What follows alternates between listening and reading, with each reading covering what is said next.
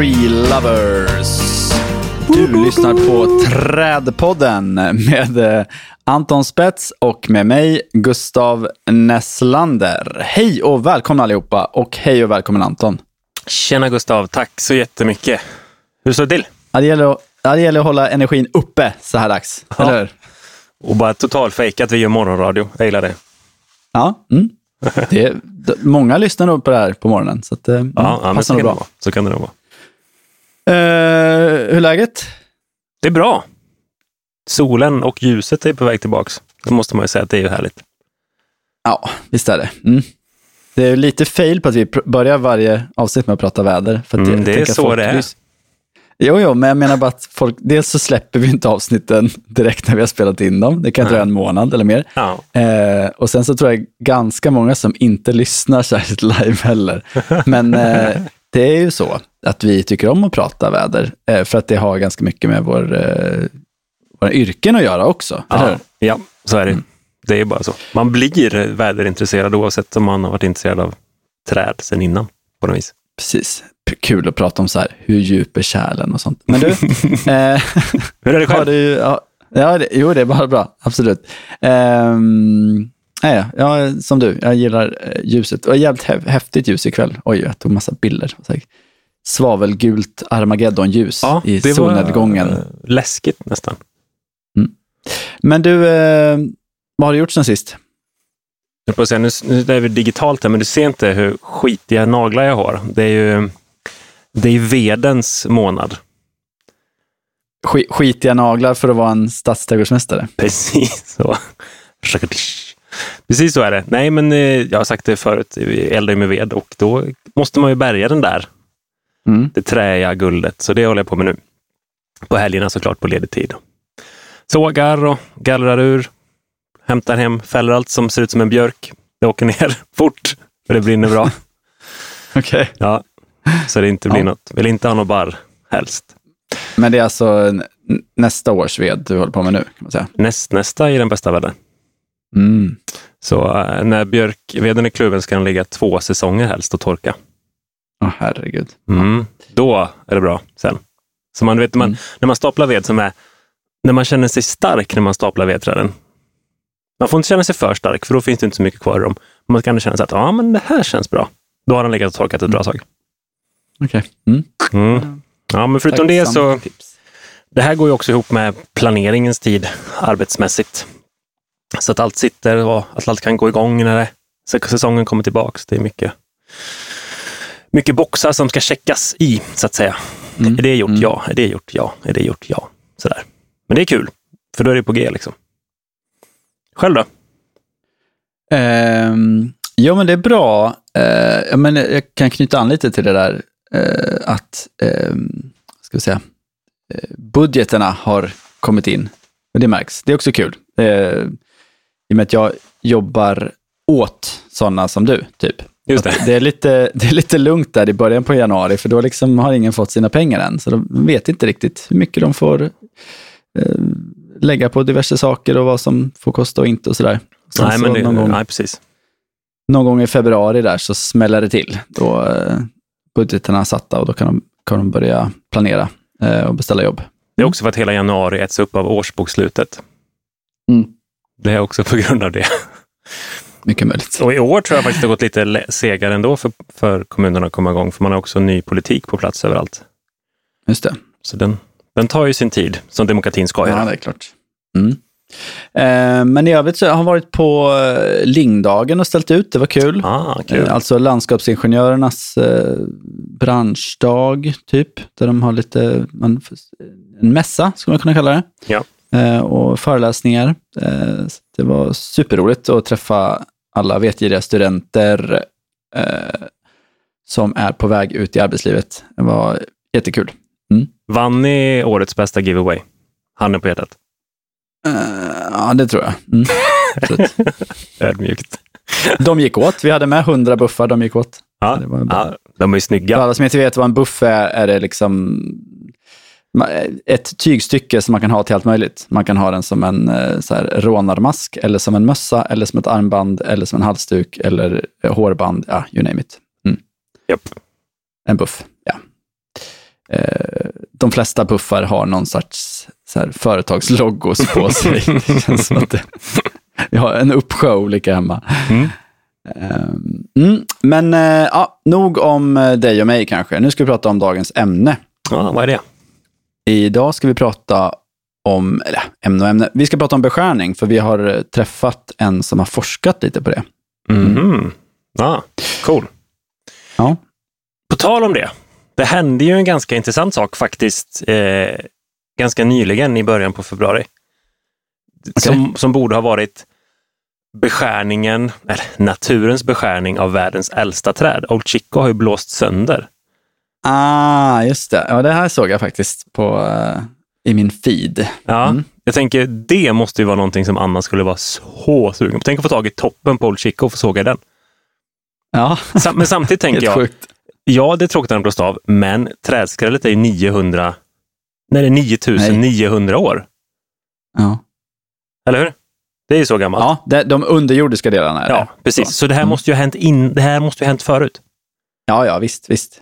Nej, men han som hade upptäckt det, han var inte orolig. Han sa, nej, men här, det här kommer den klara av. Liksom. Ja, men precis. Mm. Men eh, kan vi inte lösa så att man får forska lite på toppen från Old Chico som blåst Ja. iväg? Där måste ju ha hamnat Ja. någonstans. Ja, det, var, det förtällde inte historien om någon Nej. hade hittat den. Det var mer att han kom dit och den var borta. Liksom. Så det, det är ju frågan. Tänk om det, är det kanske är någon som bara har tagit den Eller hur? klättrat upp. Ja. Ja. Det Mm. var, förra året så fick det gå bra för, Old- eller bra för Old Chico, men Old Chico är ju ändå i ropet. Han fick barn förra året. ja, det är mycket, mycket nyhetsstoff på Chico. Ja, ja. De lyckades ju klona honom förra året. ja just eller det. hen, Ja. ska jag Äh, säga. lyckas klona som att det vore något svårt. Alltså, du får det låta så high tech. Här kommer det för plantskolebranschen. Herregud. Alltså, det, man har eh, vegetativt förökat. Okej, eh, jag kan faktiskt Old läsa rubriken för då fattar du vilket clickbait det är. Lyssna Ja. här då. Mm. Världens äldsta träd har fnuttar, fått barn, fnuttar. Forskare lyckats klona Old Chico. Den klickar ju Mm. alla på. Ja, ja, ja. Ja. Det får man ju inte säga. Mm. Okej, men på tal om det då. Som sagt, det, Alla som någonsin har ympat eller sticklingsförökat har klonat ett träd. exakt. Så, Grattis till er. Mm. Och jag hade ju gärna haft det där stuket i min egen trädgård såklart, men Old Chico blir ju sån för att den växer där den växer. Mm. Så är det ju. Googla Old Chico om ni inte har koll. Den är ju superpinad. Den är så fin. Det är den. Men som Absolut. sagt, som du sa, det är rötterna som är gamla. Okej, grymt. Beskärning då, Gustav. Vad, vad har du på ämnet? Det är väl det liksom som en plantskolist... Liksom, det måste man vara sjukt duktig på. Ja, nej, men jag har liksom i mitt yrkesliv gått från ena sidan till den andra. Vem har inte Alltså, gjort det? Ja, jo, men, nej, men jag har jobbat jättemycket med beskärning i plantskola. Mm. Ehm, och man blir ju väldigt bra på, på det. Ehm, och i plantskolorna är man ju väldigt glad i att beskära. Det, är Mm. liksom, det finns ingen hejd på det. Man kan beskära hur hårt och mycket som helst. Eh, för att väx, alltså växterna går ju på steroider, så allt löser sig också. Liksom. Ja. Eh, det, det är lugnt. Och i plantskolan så ska man ju bygga upp trädet för att det inte ska behöva beskäras så mycket sen. Så Ja. här, med, nu i plantskolan är grenarna fortfarande väldigt små. Då ska vi beskära mycket eh, och få till den här grundstrukturen. Så att det sen när det kommer ut inte behöver beskäras lika mycket. Precis. Lite så är ju grundtanken. Så då jobbar man helt enkelt med uppbyggnadsbeskärning i plantskola. Det är lite som att du skulle, att du skulle mm, få ett kontrollerat skrubbsår när du ligger på akuten. Ja, okej. Ja, ja, ja okej. Ja, Eller? så, så kan man säga. Mm, ja. Ja. Eh, Nog om det. Men eh, uppbyggnadsbeskärning är ju, ja, det går helt enkelt ut på det. Att man ska få till en, en krona som är förberedd eh, för att komma ut i verkligheten så att säga. Att det inte ska behöva så mycket beskärning. Och det handlar ju i grund och botten om att, eh, ja, på de flesta träd i alla fall, att man vill ha ett centralt ledarskott. Mm. Eh, vill inte ha dubbeltoppar helt enkelt. Som sen kommer, en dubbeltopp kan ju så småningom leda till invuxen bark och så blir det en försvagning i trädet och eh, något man kanske måste beskära långt senare med ett jätte, jättestort snitt som då kan bli ett, ett ingångshål för sjukdomar och så vidare. Mm. Och så vill man ju ha en jämn, snygg förgrening på, eh, på kronan och eh, grenarna. Sen så i plantskola så jobbar man ju med en viss stamhöjd, där det är väl standardhöjden på alléträd är två meter. Då. Så du har två meter stam och sen så börjar kronan. Mm. Um, men um, ja. Um, och uppbyggnadsbeskärning kan man ju fortsätta med sen efter att man har planterat trädet. Framförallt, uh, det beror lite på vart de ska hamna. Ja. Men hamnar de i en offentlig miljö, uh, kanske i trafikerad miljö, så är det väldigt viktigt att fortsätta med den här uppbyggnadsbeskärningen för att vi fortfarande inte ska bli några dubbeltoppar. För att man kanske ska börja höja kronan ytterligare Mm. Så att det finns fri lejd under till för ja, cyklister, gångtrafikanter, men kanske även lastbilar. Då ska man ju ha en fri höjd på kanske 4,60 eller ännu mer. Mm, gärna fem meter nästan. Mm. Och där är det ju förbaskat lätt att fuska på grund av att det där är så otroligt dyrt. Ju. Framförallt om det, är, om, om det är ren trafikmiljö. Du menar att det fuskas i etableringsskötseln, att man inte gör den här ja. eh, uppbyggnadsbeskärningen? Ja. Mm. Det är helt övertygad om det. Och det, jag menar, det är en hyfsat lång allé. Säg att den står i mittrefug. Du får ju liksom stänga med trafikhinder, tung avspärrning, så kallad TMA. Och så ska du mm. upp i lift där och det är en tuff arbetsmiljö, det är farligt och det är dyrt. Mm, just det. Men jag har ändå funderat på det. Mycket så här, träd man ser som planteras i mittrefugen, mm. så kan jag tycka att då kan man väl ganska tidigt, så här, rent redan år två, tre börja stamma upp dem mm. eh, för att ytterligare höja kronorna. Men där vet jag det beror ju på, det skiljer sig väldigt mycket åt från stad till stad. Eh, där man i Stockholm tycker jag är väldigt snabb på att stamma upp, kanske lite väl. Alltså det är så här en tofs på en jättejättestam många ställen. eh, och Malmö är det nästan tvärtom. Där, där är det liksom, ja, nu får ni ursäkta alla ni som lyssnar som jobbar i Malmö stad, kanske blir jättesura. Men jag ser förvånansvärt ofta det, det jag kallar bussbeskärning i Malmö. Det liksom, ja det blir mer eller mindre som en klippt häck ner till, eh, där bussarna far förbi och, och hela tiden liksom håller in kronan. Mm. Eh, men, men du får inte den här rena stammen. Nej. Ja, du har koll på din egen stad bäst, men vi är väl någonstans däremellan. Det, som sagt, det, det kostar pengar att göra det, helt klart. Mm. Ja, det är klart. Men hur som helst, eh, jag var ju lite inne på det, att jag har gått från det ena till det andra. Så till plantskolan, då beskär man ju när som helst på året. Eh, man tvekar inte att beskära jättemycket. Eh, men idag så jobbar jag ju mer med stora träd, eh, mm. befintliga träd i staden. Och där är jag ju väldigt noga med att man inte ska beskära i onö onödan. Eh, herregud. Eh, dels vad gäller då som, det, som jag pratade om, uppstamning eller utrymmesbeskärning kanske man ska använda som uttryck istället. Alltså mm. utrymmesbeskärning helt enkelt att man beskär för att kronan inte ska slå i ett fönster eller vara i vägen för en bil eller cykel eller något sånt. Um, och där tror jag många gånger när man använder det ordet i trafikmiljö så tror folk automatiskt att då måste man stamma upp, helt enkelt att man ska ta de understa grenarna. Men det behövs ju inte alltid. Det kan ju vara så att att den här huvudgrenen får stå kvar, men att man tar kanske de, de mindre grenarna på huvudgrenen som, som hänger ner över gatan och så vidare. Mm. Så att, eh, där ska vi nog vara noggranna med att göra skillnad på utrymmesbeskärning och uppstamning. Ja, ja den är viktig. Mm. Den är viktig. Ja, nej, men det, Ehm. önskemålen haglar ju ofta in till kommunen. Så, så får man inte en nedtagning så kan man ju alltid liksom försöka med en beskärning.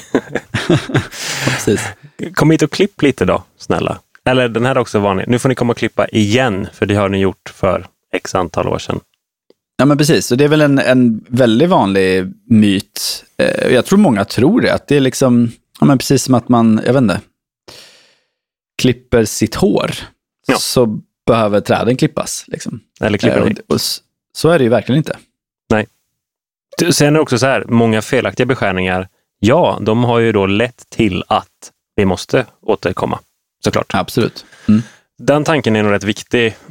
Framförallt till privatpersoner skulle jag säga att har man väl börjat klippa någonting, då får man förbereda sig på att fortsätta med det ofta. Om man då liksom går på och, och skär tillbaka en krona hårt. Eh, Så att man verkligen förstår, vad är det nu jag gör? Jag bygger in en skötselkostnad. Du kan Ja, också det- bygga in en karaktär. Och det är ju häftigt Ja. i sig. Absolut, men det är ju fantastiskt mycket träd. Väldigt, väldigt, väldigt många träd som har toppkapats helt i onödan. Ja. Bara för att någon har fått för sig att det, ja, de måste hållas efter, som att, det liksom, som att de annars skulle bli för stora. Men det, Ja, har vi- ja. det har vi varit inne på innan i många andra avsnitt, men det tål ju upprepas. Liksom. Vad, vad är ett för stort träd? Exakt. Ja, men människans behov av att domesticera det som finns i dess närhet är liksom slående, tyvärr. 7H Skog och Entreprenad erbjuder tjänster inom trädfällning, sektionsfällning, trädvård och markentreprenader i Göteborg med omnejd. Surfa in på 7hskog.se för att läsa mer om deras tjänster. Tack 7H Skog! Utan ert stöd hade vi inte kunnat göra Trädpodden. Nu är jag sugen på att höra vad Anna har att säga.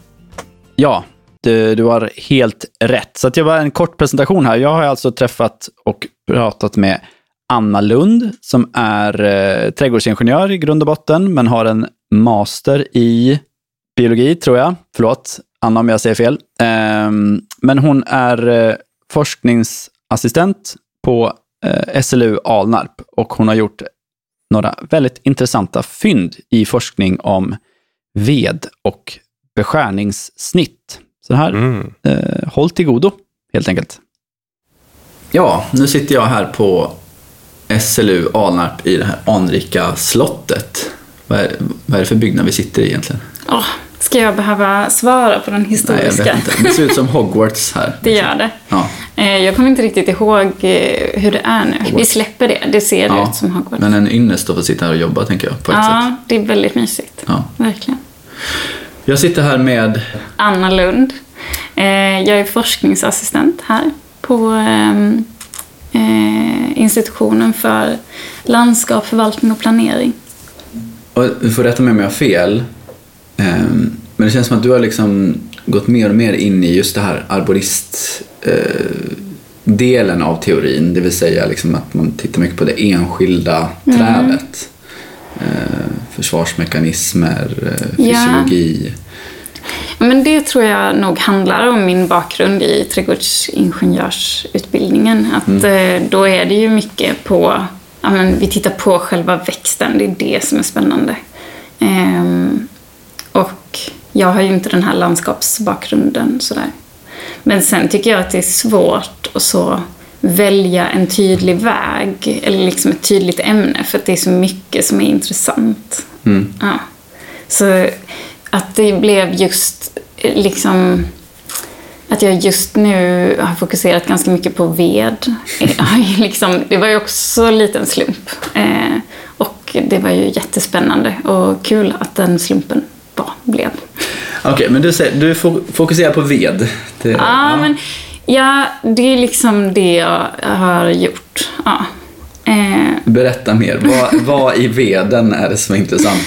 Ja, men jag skulle skriva ett masterarbete då.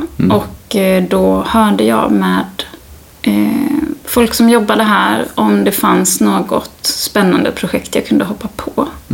Och då fanns det ett beskärningsprojekt som hade startat sex år tidigare. Som någon behövde ta tag i. Och då fick jag den möjligheten att få ta tag i det. Okej, berätta mer. Ett beskärningsprojekt. Mm. När, när började det då? 2014. 2014. Okej. Eh, Och vad ville man titta på då? Ja, men de ville kolla på, idén var att eh, undersöka vilka månader som är bäst att beskära i för olika arter. Olika trädarter. Okej, lite det vi liksom i branschen brukar slänga oss med JAS till exempel. Ja, Juli, augusti, september. Det vet ju alla. Mm. Ja. Att det, då är det bäst att beskära Ja, precis. träden, eller hur? precis. Och så är det verkligen så. Mm. Finns det verkligen belägg för det? Okej, så frågeställningen är, är, är det vettigt med, med JAS? Frågeställningen liksom i sig är väl så, när är det bäst att beskära olika lövträdsarter? Mm. Eh, och i det så kan man ju ifrågasätta JAS. Mm. Eller så. Det blir ju... Okej, och hur, hur tar man reda på det då? Eh, jo men då 2014 så beskars de här träden eh, i januari, maj och september. Och då... Eh, sen så lät man det vara i sex år. Och Vad, är det, vad var det för träd? Var det, Det- en, en art bara? Eller? Det var fyra arter. Eh, skogsek, skogslind, eh, skogslönn och svartkörsbär. Och sen lät man det vara? Sen lät man det vara. Då hade man beskurit dem 2014. Eh, och så när jag kom in då i eh, 2020 och skulle göra mitt masterarbete, då så fällde vi träden som vi hade beskurit, eller som de hade beskurit då. Lite så taskigt. Ja, nu ska vi testa på er, ni får visa vad, vad ni går för, hur ni läker och Ja. hur bra ni är. Sen så, Sen tack, tack för det. Nu. Ja, men det var också lite det fina i det här är att det är i Alnarps landskapslaboratorium. Och där behöver man gallra. Just det. Eh, Eftersom det är träd som planterades och de planterades väldigt tätt. Och sen så behöver man ju gallra dem. Så det är ju liksom lite så, eh, nu passar vi på att beskära dem innan, innan det behöver gallras. Vad, vad är landskapslaboratoriet för något? Eh, det är eh, en plats här på Alnarp som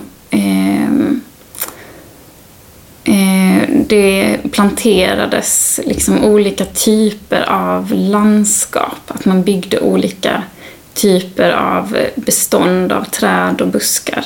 Så det är, det är ett labb, men det är, det är inte labbrockar och skåp Nej, och det, sånt? ut, det, är, det känns som att gå i en väldigt speciell park. Okej, vi kanske kan gå ut dit senare och titta lite. Det ska vi absolut göra. Ja, då, då kommer vi ta med lyssnarna ut dit. Spännande.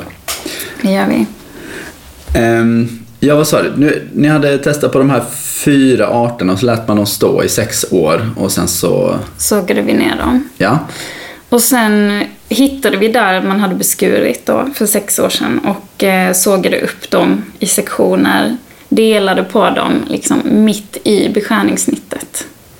Så, Okej, så man fick som en profil Ja. kan man tänka sig. Ja. så att man ehm, kan se om man tänker att man skär veden längsgående, alltså själva stammen längsgående. Mm. Så får man, eh, kan man se vad som har hänt inuti veden. ja, just det. Ja, jag, jag ser det framför mig. Vi Ja. får väl addera lite bilder också på Instagram Ja, kanske. det är ganska svårt Ja. att förklara Ja, men jag- utan att kunna visa. Jag tänker mig att eh, ja, om man vill eh, se in i en eh, människokropp så kan man halvera den. Ja. Så, så, såna, inte på riktigt då, men Lite som, de här dockorna som sitter uppe på, hos läkarmottagningen och så vidare. Ja, mm.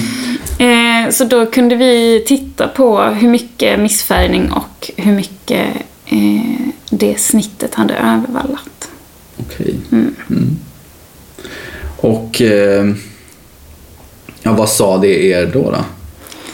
Ehm, ja, resultaten. Det, det, en sak som jag tyckte var väldigt spännande var att övervallning och missfärgning inte gick hand i hand.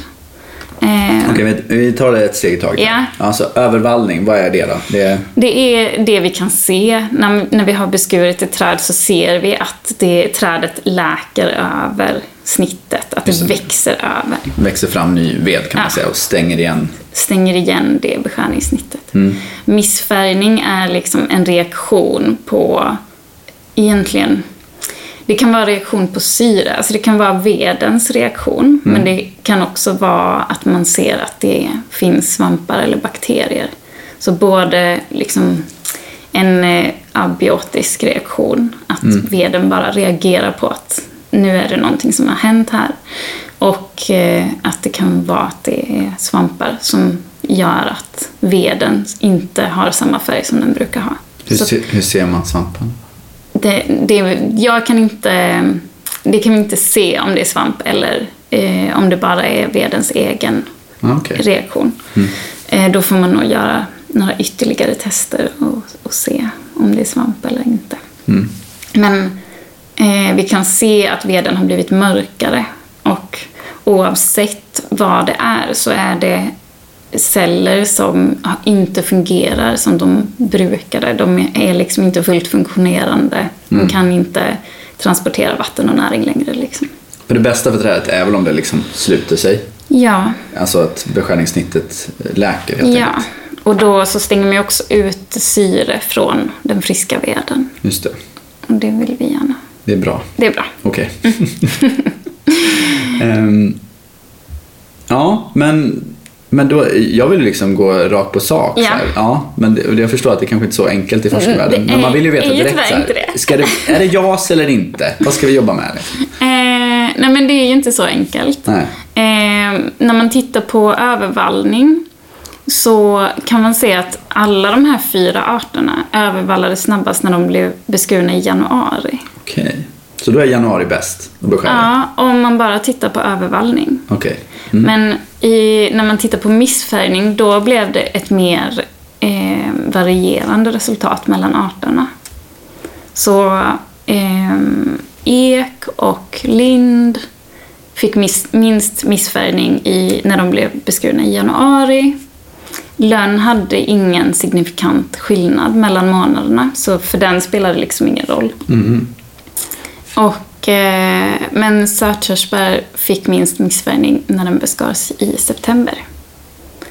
Så då är vi ju inne i JAS igen. eh, och ja, men det som kanske det man kanske kan ta med sig, för det är ju svårt att ge liksom, generaliserbara rekommendationer så, utifrån detta.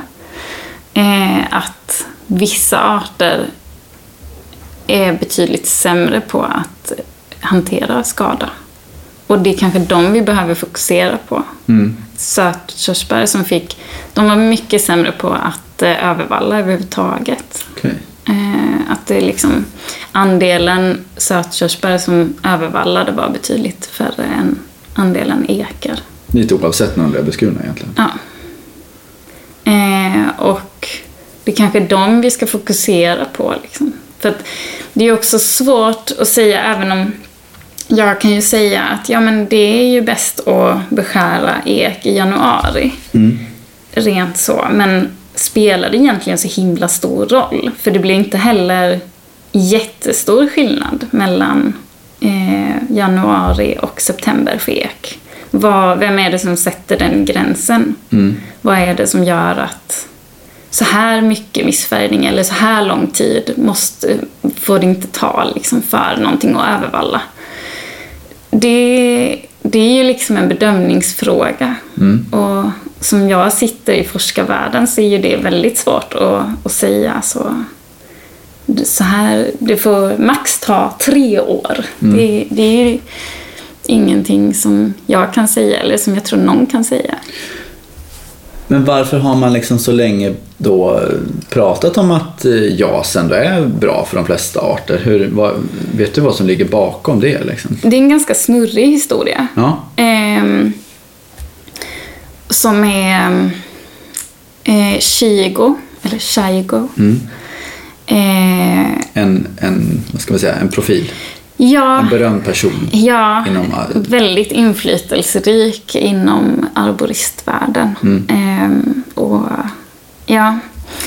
Eh, han skrev en bok som heter Modern Arbo- Arboriculture. Och i den så refererar han, han gör en graf som visar på träds em, energireserver över ett år.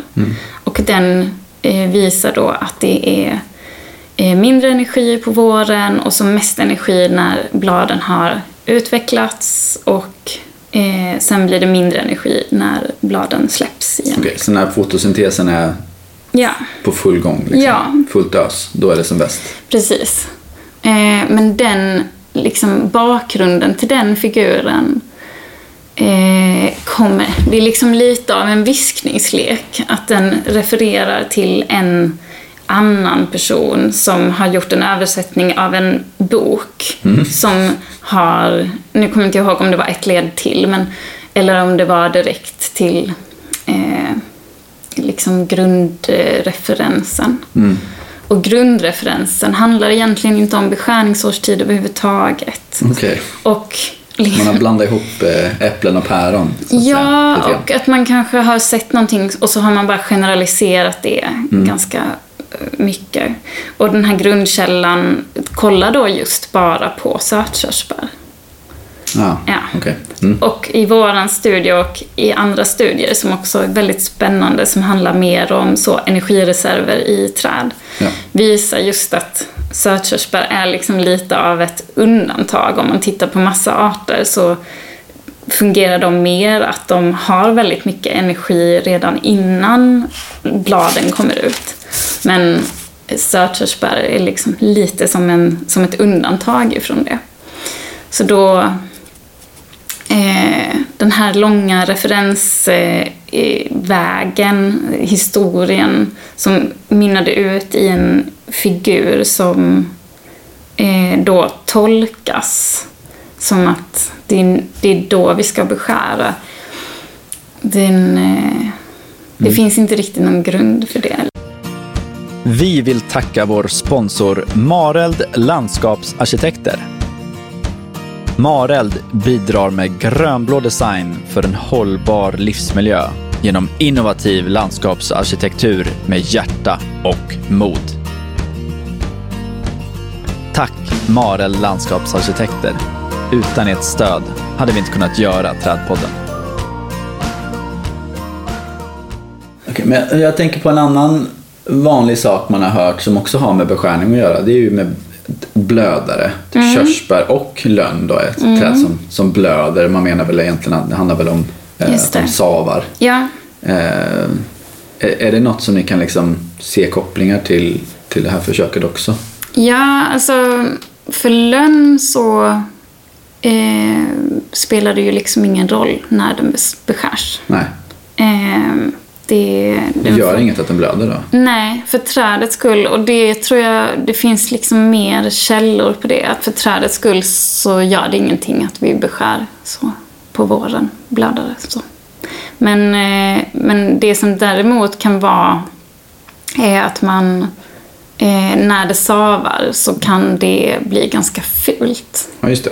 Så när vi befinner oss i stadsmiljö så kanske det ändå är någonting folk bli oroliga när det liksom rinner? Ja, eh, oroliga och att det bara så inte är estetiskt vackert längre. och då, det kanske är någonting som folk vill ta in. Ja. Att eh, det kanske man helst inte vill göra på det stora fina torget eller liksom träd som man ser väldigt tydligt i stan. Så. Då kan man ju undvika det. Men för trädets skull så verkar inte vara några problem att beskära i, på våren. Liksom.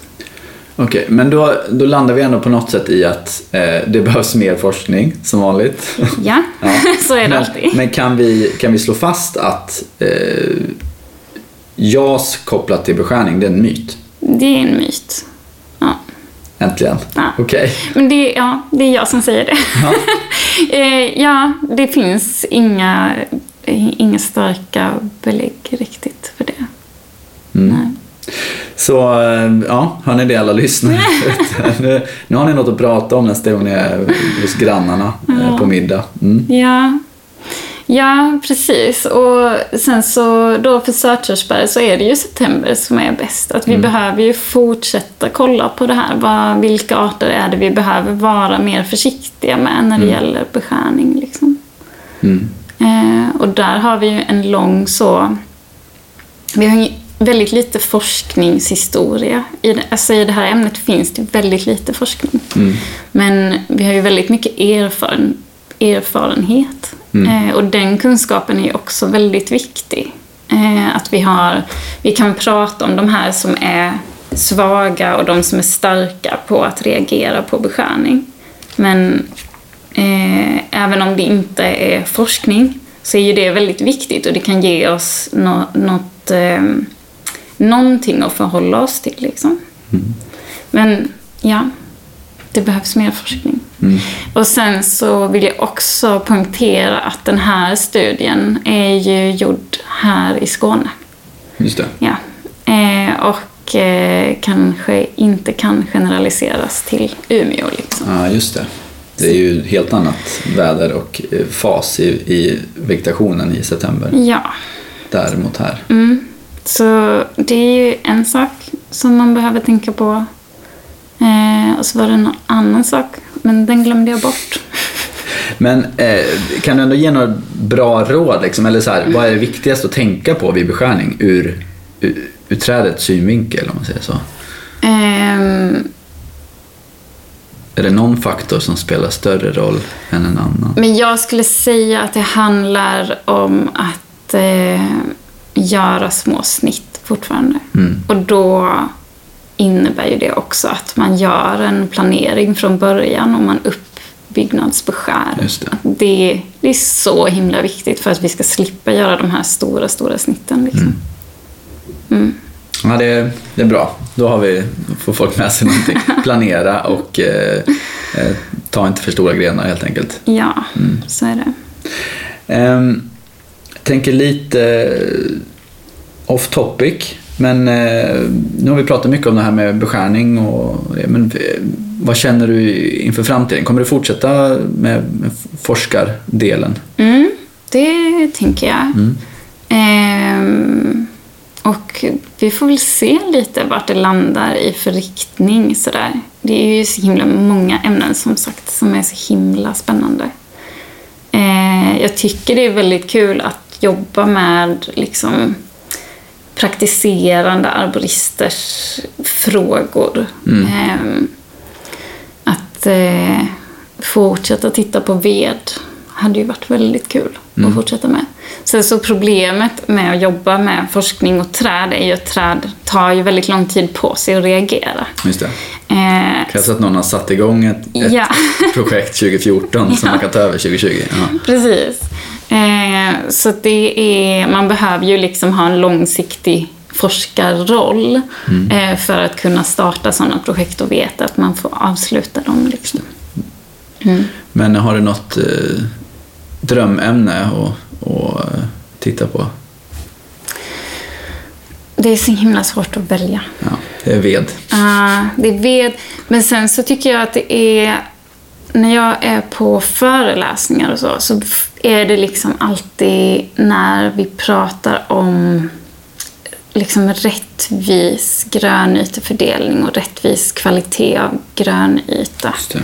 Det, det får mig att eh, bli lite extra ex, exalterad. Liksom. Eh, det är så himla spännande och vi vet att vi, vi har ett problem med det. Liksom. Mm. Att det, vi har inte en rättvis fördelning av gröna ytor i städerna. Superintressant.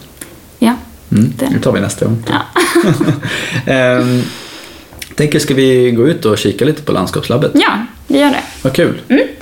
Ja. Eh, du vill inte kolla på den? Ja, det kan vi göra. Ska vi gå dit? Ja. Nu jag tycker alltså att det här vid- är det finaste. Det är liksom det som är det är mest eh, brötigt. Alltså det är väldigt så mycket... Definiera bröd. Det är väldigt mycket små eh, träd och liksom mycket grenar så det är svårt att komma in och sånt. Men eh, om man går in här eh, så tycker jag ändå det är väldigt härligt. En, en, eh, en naturlig plantering, Ja, känns nu det har de ju precis varit och fällt här också. Ja. Men här är liksom igen en sån, ehm, vad heter det, en urglesning. Ja. Det heter inte så. Gallring. Gallring. Kanske. Ja. Men här har vi ek och körsbär som eh, var med i studien. Just det. Så här inne var vi och försökte fälla träd mitt i bland alla andra träd. Det var ett jobb som en viss arborist fick jobba väldigt hårt med. Nu berättade du precis innan här att du var inte så jättebra på årtal. Nej. Vet du ungefär när de här är planterade då? Ja, men det vet jag faktiskt. Ja. Det är 94, jag tr, nu tror jag att det är så här, 94 och 97. Ja, Beroende på vilken sida av vägen man står på. just det. Jag kommer inte ihåg vilken som är vilken. Nej, nej. Men det är 94 eller 97. Ja, men det känns ju rimligt. Här. Ja. Absolut. Ja. Och det är ju också en sak som spelar in i när vi pratar om resultaten för studien. Att det är relativt unga träd. Och de står på en gammal jordbruksmark. Det vill säga, de har det ganska gött här. Liksom. Ehm, så det kanske hade blivit helt annorlunda om vi hade kollat på träd i stan istället. Just det. Men det... eh, Ja, antagligen så hade ju resultaten blivit densamma men kanske att det hade tagit längre tid för dem att övervalla till exempel. Ja, just det. Men i relation till månaderna så finns det nog inte riktigt någon anledning att säga att det skulle vara annorlunda från stan och här. Det är en ganska kul eh, plats där ändå. Alltså, nu är vi, ja, landskapslabbet. Det, Ja. jag, jag, nu förstår jag lite vad som menades med att det är ett labb ändå. Det märks att det pågår försök. Är du här ofta? Nej, Inte så ofta som jag borde vara eftersom jag har sån tillgång till en så vacker plats. Men det blir ganska mycket. Man sitter och jobbar och så kommer man på just det, jag har världens finaste park att gå ut i. Sen är jag väldigt förtjust i att gå i sortimentträdgården. Mm. Eh, det tycker jag är väldigt härligt. Så det är nog ofta där jag hamnar ändå. Kommer Men- aldrig ner hit. Okej. Men det pågår liksom försök här hela tiden? Ja, men... Eh, jag vet inte egentligen hur mycket forskningsförsök som pågår. Men det är ju hela tiden, det finns någon typ av plan som utvecklas och hur man ska forma de här olika små landskapsbitarna. Liksom. För det, det är som en lång park som är uppdelad i små bitar som innefattar olika arter, hur man sköter dem, hur tätt de står och så kan man se och uppleva de här olika bitarna på olika sätt. Så det är väldigt spännande att gå igenom och titta på ett bestånd där man har skött ett, eh, samma art på olika sätt och så får man en helt annan upplevelse. Just det. Om man har tagit bort all undervegetation eller om man har låtit allt vara. Eller, ja. Det är ganska spännande. Vi kan fortsätta över vägen här och kolla på nästa. Ja, det gör vi.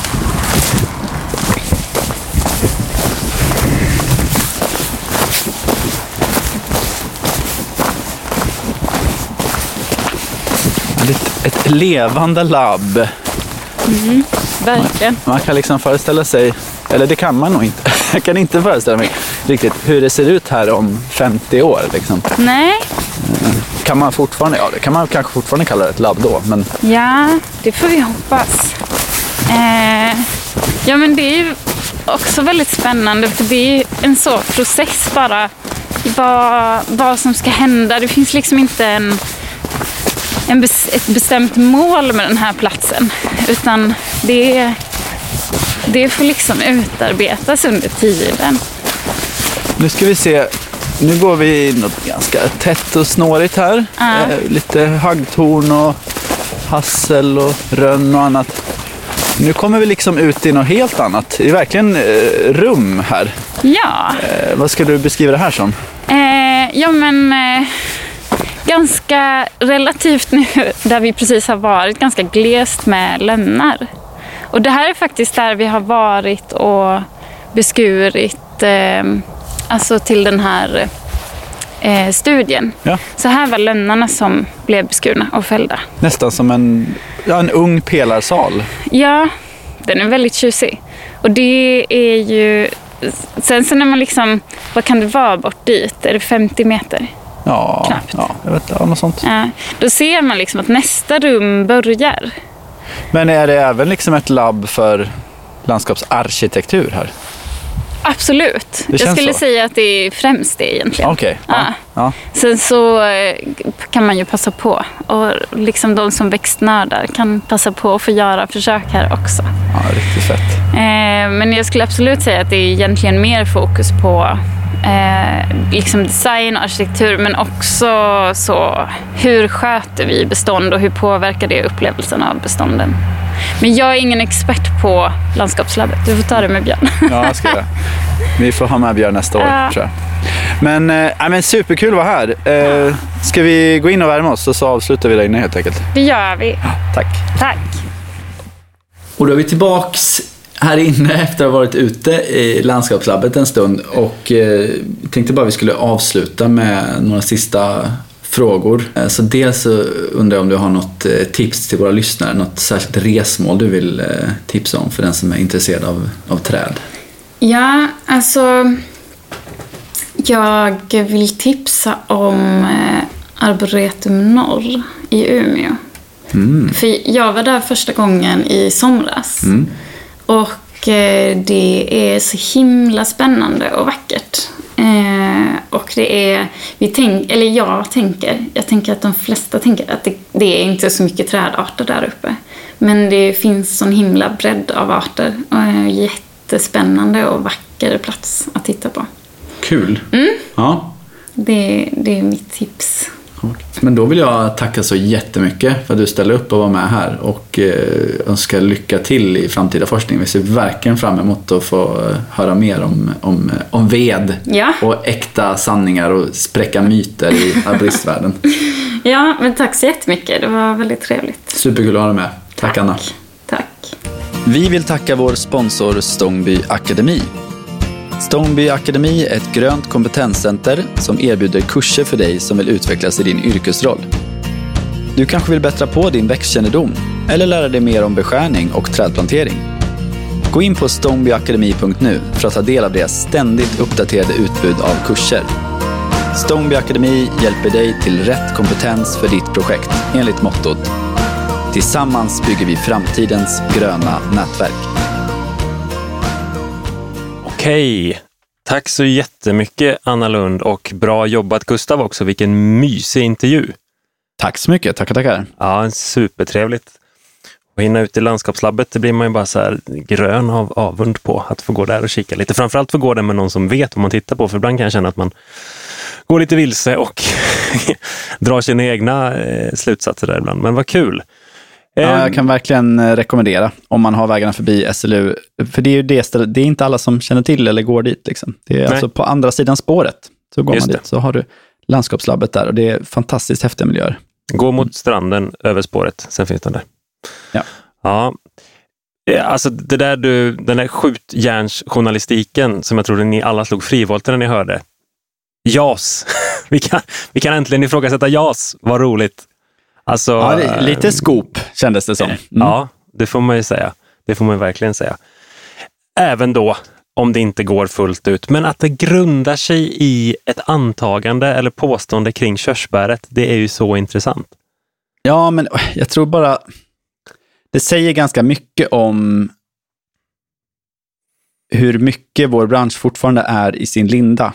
Japp, tyvärr. Att det är så mycket som vi baserar på något som någon expert har sagt för väldigt länge sedan, som Mm. fortfarande faktiskt aldrig är utrett av forskare eller inte prövat eller testat. Liksom. Precis. Och- det är kanske är en orsak i att det är väldigt svårt att utmana det, för precis som Annas bekräftar, det tar så otroligt lång tid. Mm. Nej, men precis. Och det är ju svårt att få pengar också till den typen av forskning. Så här, ja, kanske få pengar till att sätta igång det, men sen finns det inga pengar till att avsluta det, för det, det görs först om 15 år. Liksom. Ja. Och det här, de här pengarna från nu, Vinnova eller Formast eller vad det nu är, de, de gäller bara i tre år eller eh, så. Mm. Ehm, mm, nej, så det, är- det är lurigt, absolut. Jag funderar på en sån här take home message, tyckte jag också var väldigt, väldigt tydlig där. Det var Anna duktig på att summera. Alltså, sk- ska du klippa, klipp tidigt. Mm. Ja, gör så små beskärningssnitt som möjligt, helt enkelt. Ja, ja. Det är det bästa. Och då, vet du, du har tidigare pratat om här alléerna från, eh, från din tidigare karriär när du var i Tyskland och åkte runt på inköpsresor. Och Mm. Holland med var det va? De stora, precis. höga pelarsalslindaléerna. Ja, Det är liksom åtta meter fri höjd, typ. Mm. Mm. Och någonstans så det känns som att man visste vad man gjorde där för att skapa den där karaktären. Ja, och där har man ju varit ute i god tid. Där är det inte massa jättestora beskärningssnitt, utan där har man helt enkelt eh, lite alla Stockholm då, eh, stammat upp väldigt tidigt, kontinuerligt. Eh, Mm. Kanske de första 20 åren liksom, och sen Ja. slutat. Jag blir ju sjukt sugen på, tänk att kunna göra den här forskningen i zon 2, 3, 4, 5. Mm. Nej, precis. Hon var ju inne på det, just att det, ja, det här är ju det här är zon 1. Det säger ju en sak. Det kan ju, kan ju vara så att det ser helt- annorlunda ut i zon Mm. 5. Jag vet för, jag tror det var fyra år sedan, så hade vi en ganska tuff beskärning av eh, en lindallé. Och den avbröt vi faktiskt när vi kom ner mot, vi gick under 12 minus tror jag. Mm. Och det här var på vintern då, januari, februari. Så att, nej, nu får vi lugna oss lite, för nu vet vi inte riktigt hur reaktionen blir. Jag menar, Ah, det ja. skulle man Mm. också vilja få in i forskningen. Vad händer om du beskär ett träd vid 15-20 minus? Mm. Ja. ja, det är spännande faktiskt. Det, ja, verkligen. Nej, så kul att höra. Vad var, vad var din första tanke när du summerade intervjun själv? Eh, nej, men det var väl det jag var inne på, att eh, det här är nog bara en av väldigt många myter som vi kanske behöver eh, slå hål på. Mm, mm. Så att, eh, nej, eh, jättekul. En sak som jag tror också är, man pratar ju ibland om eh, att man, man bör beskära JAS generellt, säger man. Sen vad, vad branschen ofta gör är att man beskär när man har tid. Mm. Det ser jag också ganska tydligt när jag läser gamla skötselscheman bakåt och hur man planerade. Det låg ju väldigt ofta ganska omfattande vinterbeskärningar faktiskt, men det hade ju att göra med att man behövde skapa, man behövde skapa jobb vintertid. Och man hann mm. inte under, under JAS. Nej, och som i fruktträdsodlingar, då, får ju, då, då, gjorde man ju det efter man hade skördat frukten såklart. Du var ju ändå där. Något annat vore ju konstigt. Ja. Mm. Nej, men precis. Ja, otroligt kul. Eh, och jo, just det. Jag blev ju väldigt sugen på att se det på bild. Ja, men det, det, finns bilder eh, i, i forskningsrapporten och det kommer ju släppas en vetenskaplig artikel. Jag tror att den är släppt när vi släpper det här avsnittet, så då okay. får vi väl länka till den helt enkelt. Men där finns det bilder, men vi kanske också kan be Anna om lite specialbilder och kunna lägga upp här på vår Instagram. Ja, men gärna. Jag ser framför mig typ som att man har kört ett, en, en, en kluven trädstam genom en X-ray, alltså röntgat den, typ så tänker jag att det ser ut. Har jag för höga förhoppningar då? Det är, bara fot nej, det är bara foton faktiskt. Ah, okay. men, äh, ja. ja. Ähm, mm. Men äh, just det, du, mm. äh, du hade ju ett boktips idag också. Ja, ja, absolut. Äntligen. Nu är vi tillbaka lite i våra rutiner också. Vi har slarvat lite, ska vi säga, Gustav. Det måste vi ändå säga. Det har vi inte, men herregud. Så jäkla många bra böcker finns det inte. Jo, det gör det, men, men ja. Det, men vi drog ju ut det till att vara ett kulturtips. Ja, precis. Men det får ja. ju vara något bra, annars får det vara. Jag glömde en grej, på tal om mm. kultur. Nu blir det dubbelt kulturtips här. Ja, eh, vi pratade om Old Chico innan intervjun. Mm. Den här när Old Chico fick bli förälder, det var en del av ett konstprojekt. Va? Har du hört? Som, ja, jo. um, jag, jag tänker inte kommentera det där konstprojektet. nej, nej, men så är det. Jag vet lite för mycket om det och jag tänker inte kommentera det. Nej, nej du slipper. Jag tyckte bara det var mm. kul. Men jag glömde säga det innan. Okej, okay, ja. jag har fått bläddra lite i, och jag är inte klar, men jag håller på. Eh, en superhärlig bok. Det är lite, formatet är lite spännande, men den heter i alla fall Why Cities Need Large Parks. Large Parks in Large Cities heter den. Och din svensk redaktör, eh, Richard Murray, har redakt redaktörat den, eller editerat den som man säger på engelska. Så det är väldigt många skribenter. Och man talar egentligen om parker i hela världen i stora städer och vikten av dem. Man har till och med ett avsnitt som diskuterar trenden av stora parker i stora städer. Formatet på boken är en faktabok i coffee table-format. Det är en sån... Får se, får se, håll upp den. Orkar du liksom? Jäklar, hur många kilo har du där? Ja, men det är i alla fall två och en halv, skulle jag säga. Ja. Mm, mm. Och en, eh, den är nästan uppe på 500 sidor. Ah, mm. Jag bara, mm. åh, den här, den här ja. åker ner i den digitala varukorgen nu, i detta att nu. Inte den, att inte den ligger, ploing, där kom den. ni som är bra på att lyssna, ni har nu hört mitt kreditkortsnummer. Så. Att inte den redan ligger på ett kaffebord, Gustav, som en coffee table inspirationsbok där ni tar emot kunder hos er, det är ju helt otroligt. Ja, men om en vecka gör den det. Mm. Ja, det är bra. Ja. Det är bra. Till exempel då, det finns ett, ett helt avsnitt om uh, Göteborgs stads gröna infrastruktur och det är fantastiskt bra jobbet Göteborgs stad har gjort kring deras grönplan. Den ligger med. Skryter man lite liksom för, över Sverige, det tycker jag är intressant. Vad med Malmö då? Parkernas stad? Malmö är inte med. Nej, lägg av. Nej, det Vi som har så stora parker, det är det. Ah, ah, ah. Det har ju faktiskt Malmö. Okej, okay, förlåt. Malmö är med som den förort till Köpenhamn. den är. Mm. Så Köpenhamn är med. mm. eh, Amager naturpark är med. Den är ju rätt fet i och för sig. Så det handlar ju också både om att, så att säga, rent formade, skapade parker, men också att sätta av stora orörda landmassor. Det är också väldigt intressant. Sen är också Djurgården med. Eh, mm. men den beskrivs ju då som the, the Royal jag måste nästan slå upp hur man sa det, för jag tyckte det var lite Stockholms fjäsk i fjäsk. Så som det var beskrivet. Måste skicka en känga däråt också. Men det heter ju Kungliga Djurgården. Ja, och det förvaltas men... av Kungliga Djurgårdens förvaltning. Ja, det, men det är inte Stockholms det... stad som förvaltar det är Kungliga Djurgården. Mm. Ja, så här då. Han innefattar ja. då i The Royal National City Parks of Stockholm, Sweden, som Richard Murray mm. själv har skrivit, eh, så är den på 27 square kilometers. Okej. Okay. Så det är lite väl stort, så som jag ser det mm. som en park. Så det är snarare kanske att beskriva som ett sammanhängande grönområde. Då. Så den tycker jag kanske är en liten skarvning, men okej. Okay. Mm. Mm. Fine, fine. ja. Skaffa den här boken. otroligt mycket inspiration. Det är mycket bra foton. Jag blir liksom inspirerad när jag ser parkbänkar från, från Teheran som man har format som en säng till exempel.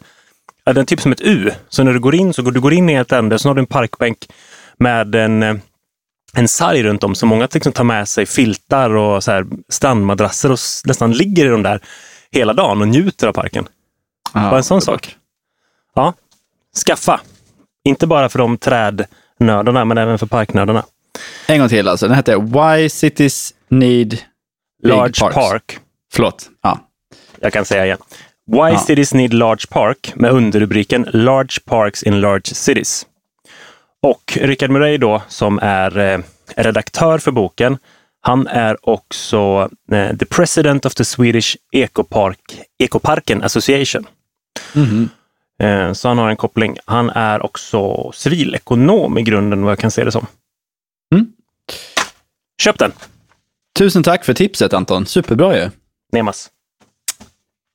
Hörru, då är det dags att knyta ihop säcken för idag. Det var det Haley. Mm, det var inte så lite så. Ta hand om er. Beskär med måtta. Ja, precis. Eller inte alls. Och gör små snitt. precis.